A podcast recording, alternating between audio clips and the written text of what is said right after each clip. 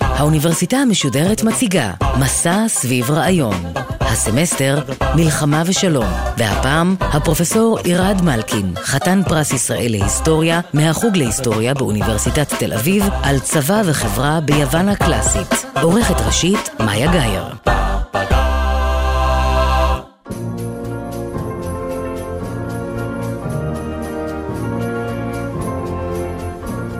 שלום, שמי ירד מלקין, ואני פרופסור אמריטוס להיסטוריה יוונית עתיקה באוניברסיטת תל אביב. אני היסטוריון של כל המרחב הים התיכוני הקדום, והספרים שפרסמתי עוסקים בעולם היווני בזיקה שבין דת והתנחלות, מיתוסים פוליטיים, ההיסטוריה של ספרטה, מסעות אודיסאוס, שאלות של זהות אתנית ויישום של תורת הרשתות המודרנית להבנת צמיחתה של הציוויליזציה הקלאסית הקדומה. בהרצאה הקרובה, במסגרת הסדרה העוסקת במלחמה ושלום, אבקש לדבר על המלחמה ביוון הקלאסית בין המאות השמינית לחמישית לפני הספירה, ובמיוחד ביחס המפתיע בין צבא וחברה. היסטוריה צבאית, בניגוד למקובל, היא היסטוריה חברתית. פני החברה כפני הצבא, ולהפך.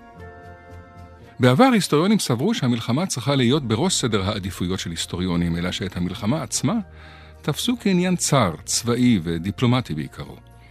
ההיסטוריון טוקידידס, שחי במאה החמישית לפני הספירה באתונה, היסטוריון נפלא שבעצמו היה גם מצביא, אמר שהמלחמה היא מורה קפדן.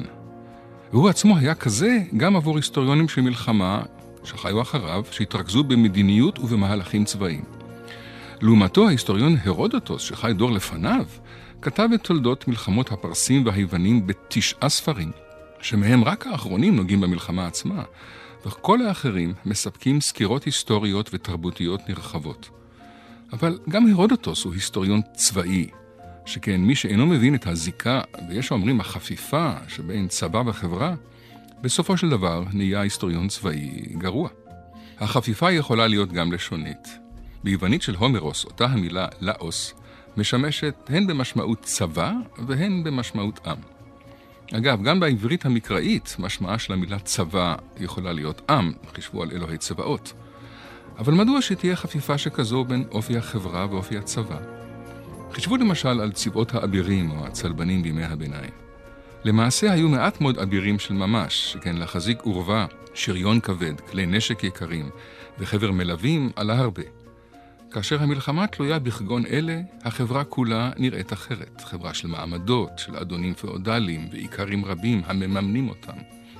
אבל מה קורה כאשר עיקר העול מוטל לא על חיל פרשים יקר, אלא על מיליציות עממיות שנשכן זול יחסית? זה היה למשל המצב בשוויצריה, שלה לא היו פאודלים, והרי האלפים לא עודדו אבירים רכובים. ממצב זה של מיליציה עממית התפתחה שווייץ לרפובליקה הראשונה בתולדות אירופה. היוונים, מסתבר, לא היו כה שונים מהשוויצרים. הם חיו בעיקר בערי מדינה מפוזרות. לדוגמה, בשנת 500 לפני הספירה היו יותר מאלף ערי מדינה ייחודיות הפרוסות לא רק ביוון המודרנית, אלא גם לחופי לוב, דרום צרפת ואיטליה, טורקיה וסביב הים השחור. בעיקרו היה הצבא בערי המדינה צבא אזרחים רגלי שנלחם בסך בשורות צפופות. ללא פאודליזם וללא מלוכה, ערי המדינה היוו קהילות, לרוב לא גדולות, ובאחת מהן, אתונה, אף נולדה הדמוקרטיה. הנוסחה למעשה פשוטה, כאשר ביטחון הרבים תלוי במעטים, אלה הם השולטים. לעומת זאת, כאשר הוא תלוי ברבים ולא באיזשהו צבא מקצועי כביכול, אלה מייצרים שיטת ממשל קהילתית ולא רואים הצדקה לזכויות היתר מהסוג שהעולם יכיר במשך אלף שנה, החל משנת 500 לספירה. במילים אחרות, כשהצבא הוא צבא של עם, צבא שבו השורה ולא הגיבור הבודד היא החשובה, הדבר מביא איתו גם ערכים חברתיים של שוויון, הדדיות ושיתוף פעולה. כיצד זה הגיעו היוונים למצב של חירות אישית יחסית, ריבונות ושיתוף פעולה קהילתי-פוליטי, שמרבית אנשי ימי הביניים יכלו אולי רק להתקנא בו? ובכן, זה לא היה בגלל שהיוונים היו רודפי שלום, אבל מי בעצם כן? יש האומרים שהאנושות תמיד חיה בסוגים שונים של מצבי עוינות, ושפרקי השלום הם החריג. ויש הרואים את המלחמה דווקא כחריג בתולדות האדם. כבשאלה, האם הזברה היא סוס לבן עם פסים שחורים, או סוס שחור עם פסים לבנים? העולם היווני הקדום הכיר את המלחמה היטב, ברמה של סכסוכים ופשיטות הדדיות, מלחמות בין ערי מדינה, ואפילו מלחמות בקנה מידה עולמי, כגון מלחמות הפרסים. אלא שהמלחמה בפועל הייתה אינטימית הרבה יותר. המלחמה המודרנית היא אנונימית וגובה קורבנות עצומים. המלחמה הקדומה ברגל ובסך יצרה הן אינטימיות ואחווה קבוצתית, אבל גם אינטימיות של הרג פנים אל פנים. קנה המידה עשוי לבלבל. במקורות השירה הקדומים של המאה השמינית לפני הספירה, האיליאדה והאודיסאה, לא תמיד ברור אם מדובר בצבא או בחבורת שודדים, אם כי אלה האחרונים אהבו מאוד כשמשוררים פערו את מעלליהם כאילו היו מלחמות של ממש. מלחמת טרויה היא הנושא של מיתוסים רבים, ושירתו של הומרוס חושפת עולם של נוהג וערכי מלחמה הירואיים. מסגרת הסיפור מוכרת ודאי כיצד אחרי חטיפתה של הלנה, אשתו של מנלאוס מלך ספרטה, צר הצבא היווני בראשות אגממנון על טרויה במצור שנמשך עשר שנים. ואפוס השירה הנפלאה של הומרוס מתאר בצורה מאוד ריאליסטית את דרכי המלחמה ואת האופן שבו העם והצבא מתנהלים בתוך המלחמה הזאת, את אספות הצבא ואת חלוקת השלל המתבצעת בהגרלה בקרבם. למרות שעדשת המצלמה של המשורר מתמקדת בגיבורים כגון אכילס, ההמונים בכל זאת נוכחים בשדה הקרב.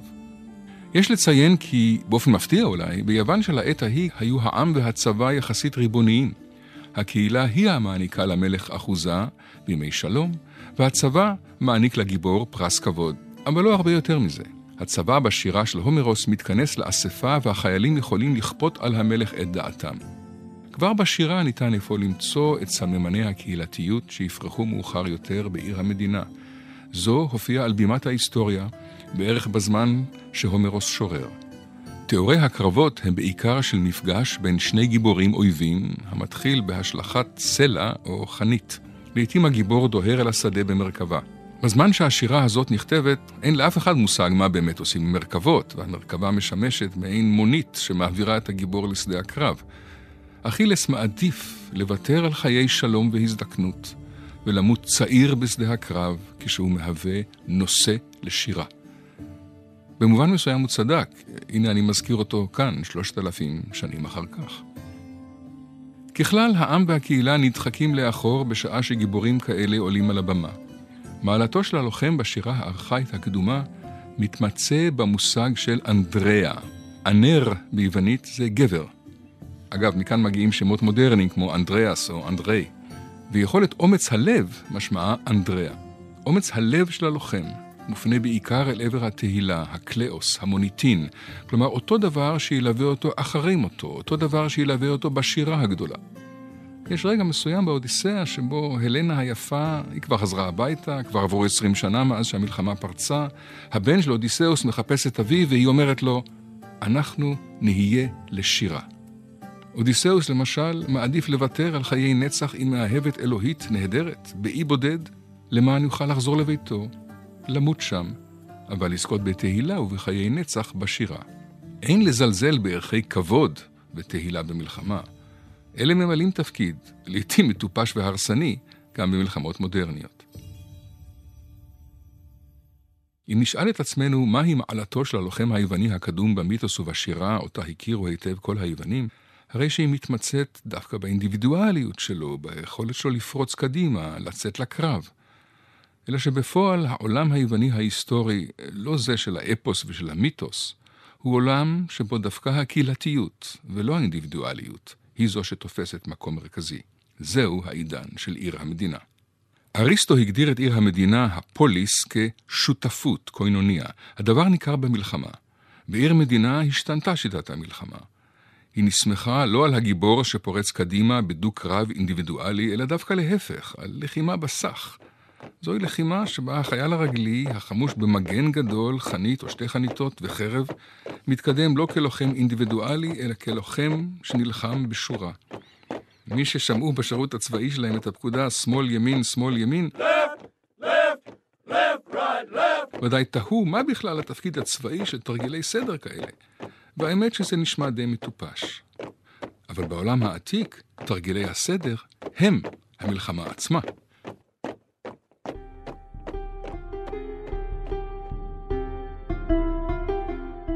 סמלו של החייל הרגילי, שנקרא ביוונית הופליט, היה המגן דווקא.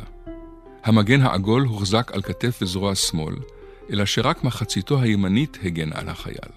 זו השמאלית הגנה על החייל שלשמאלו, וכך הייתה נוצרת שורה שלמה של מגנים צפופים. זה מסובך. תארו לעצמכם את הפקודה לימין שור. בשורה שלמה של נושאי מגינים וחניתות צריכה לעשות זאת במרוצה, תוך כדי קרב, ומבלי שהשורה תפרץ. הקרב היה בשורה, כשהחניתות מישירות קדימה והחיילים ממלאים פיהם בשיר הקרב הפיין. מטרת השורה, למעשה כמה שורות עומק זו אחר זו, הייתה לרסק את גוש האויב שממול.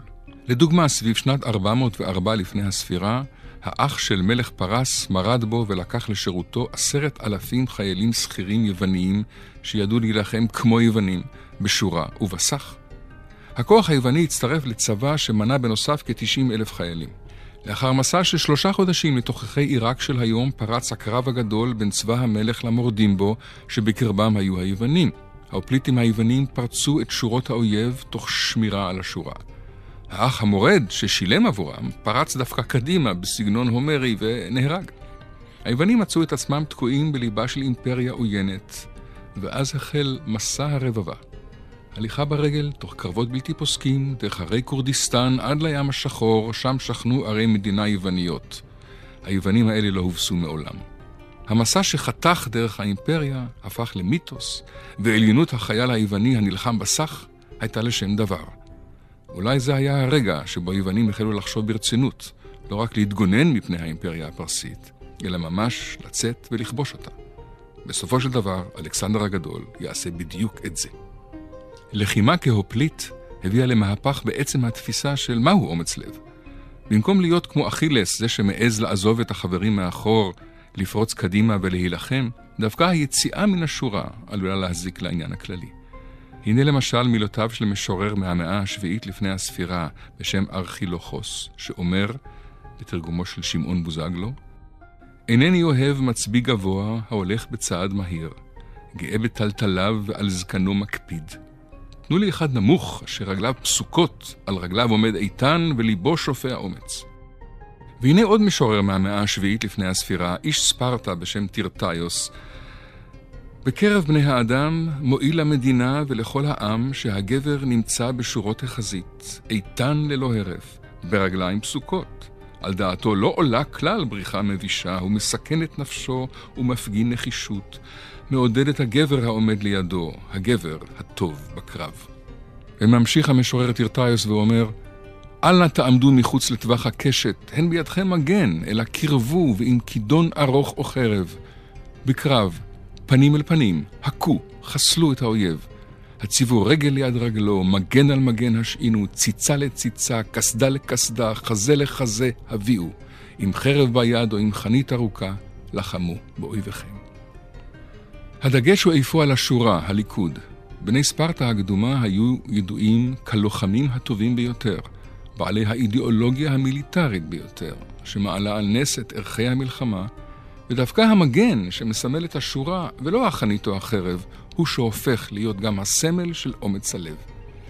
ידועה האמרה שהאם הספרטנית אומרת לבנה ערב צאתו לקרב, בני, חזור עם המגן או על המגן. כי את הגופה נשאו על המגן. אבל לא תמיד יש אידיאליזציה של ערכי המלחמה על המגן. יחסו של המשורר ארכילוכוס שהזכרתי קודם היה קליל הרבה יותר. הוא נחשב למשורר נפלא ששוטט בים התיכון, הגיע לאיטליה והצטרף להתיישבות בטאסוס, אי בצפון יוון. הוא נלחם פעם בשבטים באזור הבלקני, ועל כך שורר, אני מצטט, סייני אחד עולה זתה על מגיני, נשק ללא פגם, שבניגוד לרצוני נטשתי ליד שיח. אך את אורי הצלתי, מה אכפת לי המגן ההוא, שילך לעזאזל, לרכוש לי אחר לא פחות טוב ממנו. כאמור, בני ספרטה הקדומה טיפחו והעלו על נס ערכים מיליטריים וערכים קהילתיים. הם לא סתם נקראו הומויוי, השווים או הדומים. ילד ספרטני היה נלקח כבר בגיל שבע מביתו למעין קסרקטין אימונים על ידי נערים בוגרים ממנו, ועד לזקנתו ימשיך לסעוד עם חבר מרעיו, שאיתם הוא גם מתאמן, במעין קסר קטין. בני ספרטה שכללו את אומנות המלחמה בסך, והיחידות הצבאיות שלהם יכלו להגיע עד לעומק של שמונה שורות. אריסטו ביטא עניין זה באומרו כי הלוחם הבודד הוא כמו חייל שנמצא לבד על לוח המשחק. ככלל, ספרטה היא אולי הדוגמה הקיצונית ביותר לחברה שבה המלחמה הייתה העיסוק היחיד של בניה, ששלטו על אוכלוסייה צמיתה שמימנה אותם. הנאמנות, הלכידות והבושה על גילויי פחד הביאו למשל את 300 שומרי הראש של המלך הספרטני לאונידס להילחם קרב התאבדות במיצרי תרמופולי, כאשר בלמו שם לכמה ימים קריטיים צבא ענק פרסי בעת שזה ניסה לפלוש ליוון. היוונים לא נלחמו רק ביבשה, הם נלחמו גם בים. יוון הייתה ציוויליזציה ימית. הרי המדינה נוסדו ברובן על החוף, והמבט היווני היה מספינה אלי חוף. זו הסיבה שהאתרים שנבחרו להתיישבות היו פרוסים ברובם על פני החופים. והיה זה הים, אולי יותר מכל דבר אחר, שהשפיע על אופי החברה, צורת המשטר, הלחימה, ואפילו על ביסוסו של מה שאנחנו מכירים כדמוקרטיה היוונית העתיקה, אותה דמוקרטיה שמהווה מופת ומודל לחלק מהערכים שלנו היום. בשנת 494 לפני הספירה התגלו במכרות הכסף בלהב ריון שליד אתונה עורקים חדשים שהכניסו למדינה הון עתק. המצביא האתונאי תמיסטוקלס שכנע את בני עמו שלא לחלק דיבידנדים, ובמקום זאת להשקיע את הכסף בבניית צי של 200 ספינות. הוא הבין שהפרסים עומדים לפלוש, אבל היו לו כמה מטרות. שאתונה תוכל להגן על עצמה על ידי הצי, או, במקרה של תבוסה, לפנות את כל האוכלוסייה ולהגר לאיטליה. אבל הייתה לו גם מטרה דמוקרטית. עד עכשיו, גם כאשר היוונים נלחמו בצורה של חיילים כבדי נשק בשדה, הנשק, הציוד ובעיקר הזמן והפנאי לאימונים היו יקרים מאוד, והותנו בבעלות על נחלה קרקעית שמימנה את הפנאי הזה. בעולם העתיק לא היה ביטוח לאומי, והמדינה לא מימנה את השירות הצבאי. אבל ברגע שנוצר צי, בבת אחת, 200 ספינות אתונאיות התמלאו באלפי אזרחים אתונאים, שהתנאי היחיד לשירות לא היה רכוש, אלא כוח הזרוע הדרוש כדי לתפוס במשוטים של הטריירה ספינת קרב בעלת שלושה סיפונים ואל נגיחה.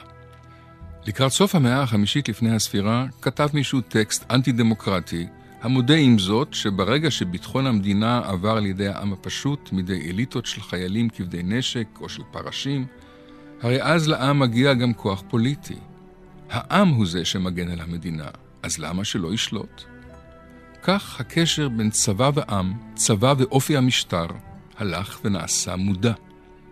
באתונה, ככל שהצבא התבסס יותר על הים, כך נעשתה המדינה גם יותר ויותר דמוקרטית.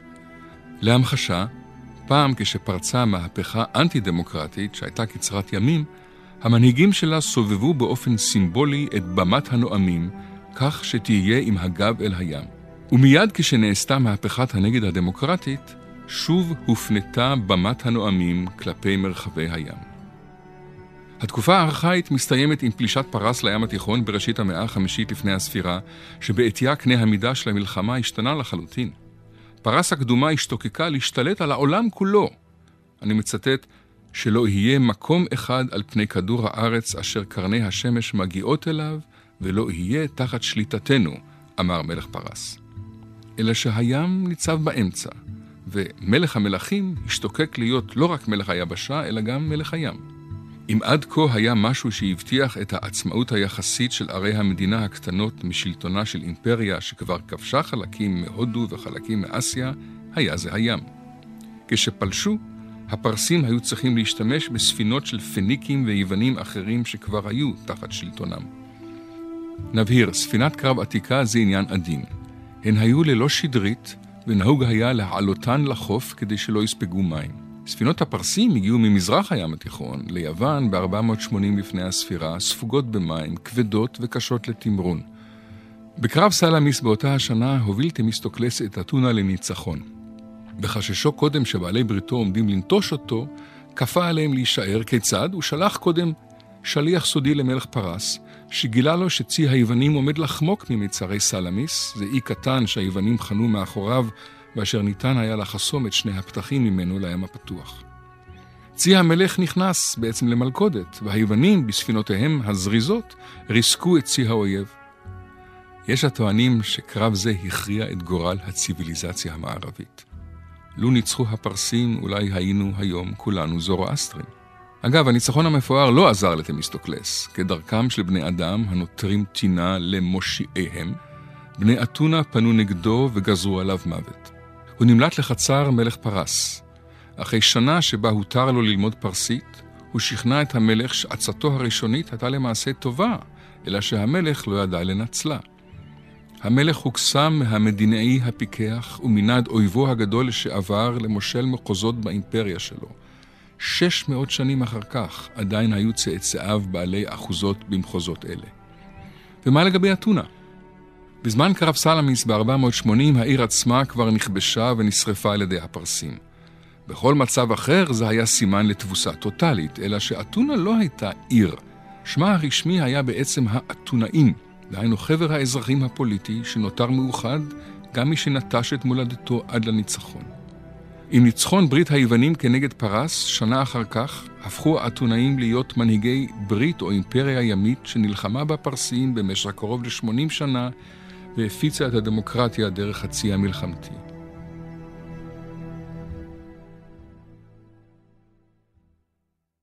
ההיסטוריה של העולם העתיק חובקת מאות שנים את העידן הקלאסי וההלניסטי ואת הרפובליקה והאימפריה הרומית.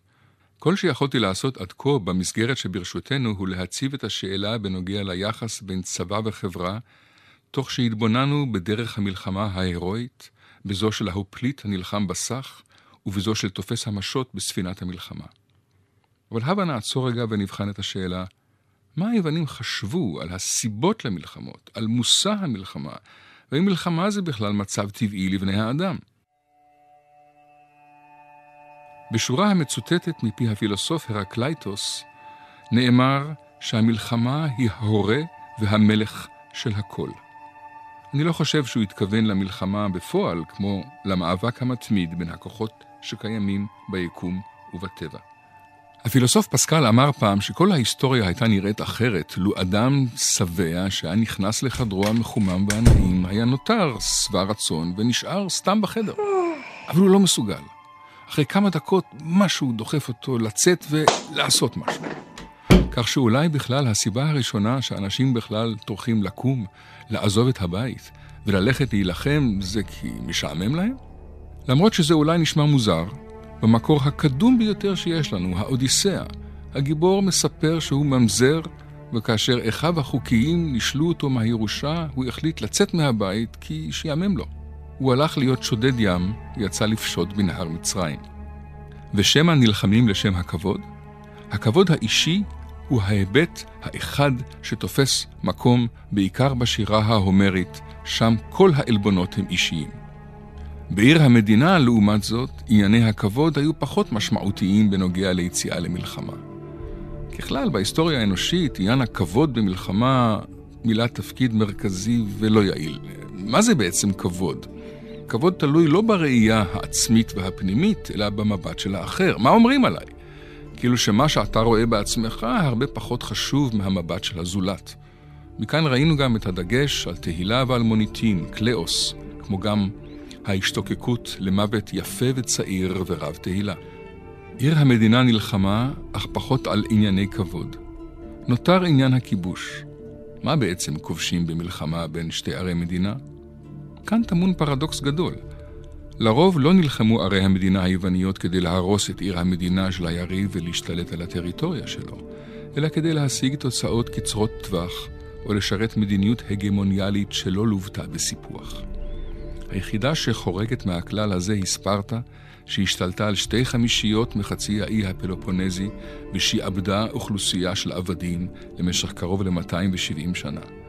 זה היה חריג בנוף, ואכן ספרטה שילמה את המחיר על המיליטריזם והצבאיות שלה. הספרטנים הקדישו את כל אישותם, מאודם, זמנם וכספם לשליטה על עם אחר, ובסופו של דבר התרוקנו מרוב התכונות התרבותיות שאפיינו את ערי המדינה האחרות.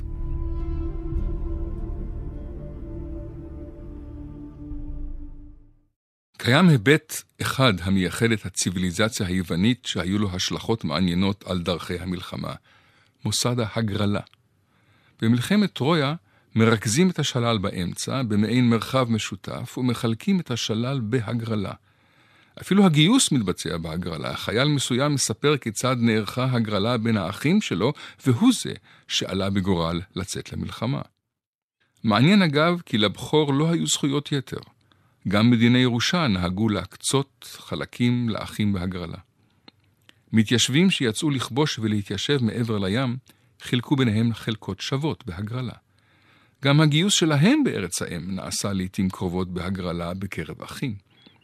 חלוקת הנחלות הכבושות חזרה למעשה על עיקרון חלוקת השלל, בהבדל שהפעם לא לקחו ספלי זהב חזרה הביתה, אלא נותרו במקום. אבל לא מדובר רק בעולם המיתוס והשירה. באתונה הדמוקרטית רוב משרות השלטון והמשפט אוישו על ידי אזרחים מן השורה שנבחרו בגורל. מדי שנה בשנה גם ערכו הגרלה בין עשירי המדינה לבחור 200 טריאררכים, מפקדי ספינות מלחמה. היה זה כבוד גדול שעלה הרבה כסף. העשיר היה צריך לממן מכיסו את האימונים והציוד של הספינה במשך שנה תמימה. בשנת 1950 ישב פרופסור מייקל ג'יימסון בבית קפה ביוון, כשניגש אליו מנהל בית ספר ואמר לו שנמצאה כתובת ביוונית קדומה שהוא לא מבין. התברר שהכתובת היא העתק של הצו של תמיסטוקלס ערב קרב סלמיס, כשאתונה כבר בוערת ושעת החירום בשיאה. בצו נאמר שהספינות יוקצו למפקדיהן בהגרלה. לכאורה, מה פחות יעיל מזה? מפקד שאף לא מכיר את הצוות שלו? אלא שהניצחון בקרב סלמיס היה מפואר, וכנראה שבמבחן היעילות גם התוצאה חשובה. איכשהו בני אתונה האמינו שערבוב מתמיד על ידי הגרלה דווקא מיטיב עם האיכות הכללית. ועם הצלחתם בניהול הדמוקרטיה שלהם, גם כאשר מפקדים אתונאים חילקו ביניהם את הציים והכוחות בהגרלה, קשה להתווכח.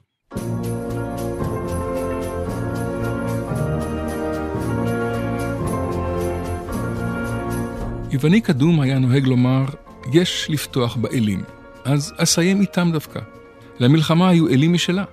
ברומא היה האל מרס, אל נערץ וחשוב. ביוון, לעומת זאת, היו שני אלי מלחמה, ואחד מהם, החשוב יותר, היה בכלל אלה.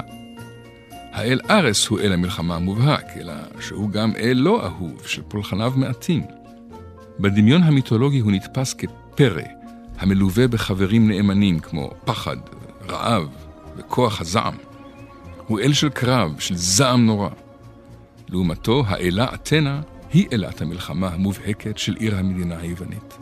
כמעט בכל עיר מדינה היה פולחן לאתנה של הפוליס, שכן האלה הייתה הפטרונית של הקהילה הפוליטית באשר היא. באתונה, הנקראת על שמה, היה לה מעמד מיוחד עוד יותר. אתנה היא אלת המלחמה הרציונלית יותר, אלת המלחמה של הפוליס, של הלחימה בסך ובשורות. בניגוד לארס הזורע אי סדר ואימה, היא אלת הסדר והמשמעת, והסדר דווקא הוא המנצח מלחמות. הניגוד בין שני האלים האלה, ושניהם היו חשובים ליוונים, ממחיש את הנורא והמופלא במלחמה. הזוועה, הפראות, המוות והאימה מצד אחד, לעומת הלכידות הקהילתית והמשמעת השיתופית של הלחימה בשורת האזרחים. רוממותו של האל מרס ברומא דווקא, לעומת פחיתותו של האל ארס ביוון, ממחישים יותר מכל את האתוס האישי, הצבאי והקהילתי היווני לעומת זה של בני רומא שיבואו אחר כך. בכתובות קברי האריסטוקרטים רומים הדגש מושם על מעלתו של הגבר, ויר, וירטוס, virtue באנגלית, ועל השם המהולל שניצחונותיו האישיים מביאים למשפחה, למשפחה, לא לקהילה. ורומא אכן מעולם לא פיתחה דמוקרטיה. היוונים העדיפו את אתנה, אלת התבונה והסדר החברתי, על פני ארס, מחרחר המדון והמלחמה.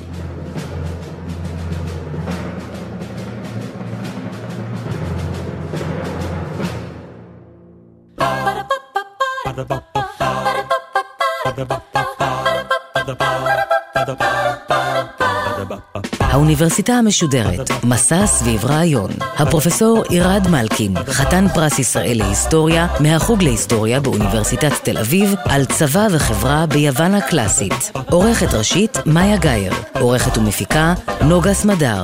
מפיקה ראשית, שקד הילה שובל. האוניברסיטה המשודרת, בכל זמן שתרצו, באתר וביישומון גלי צה"ל ובדף הפייסבוק של האוניברסיטה המשודרת.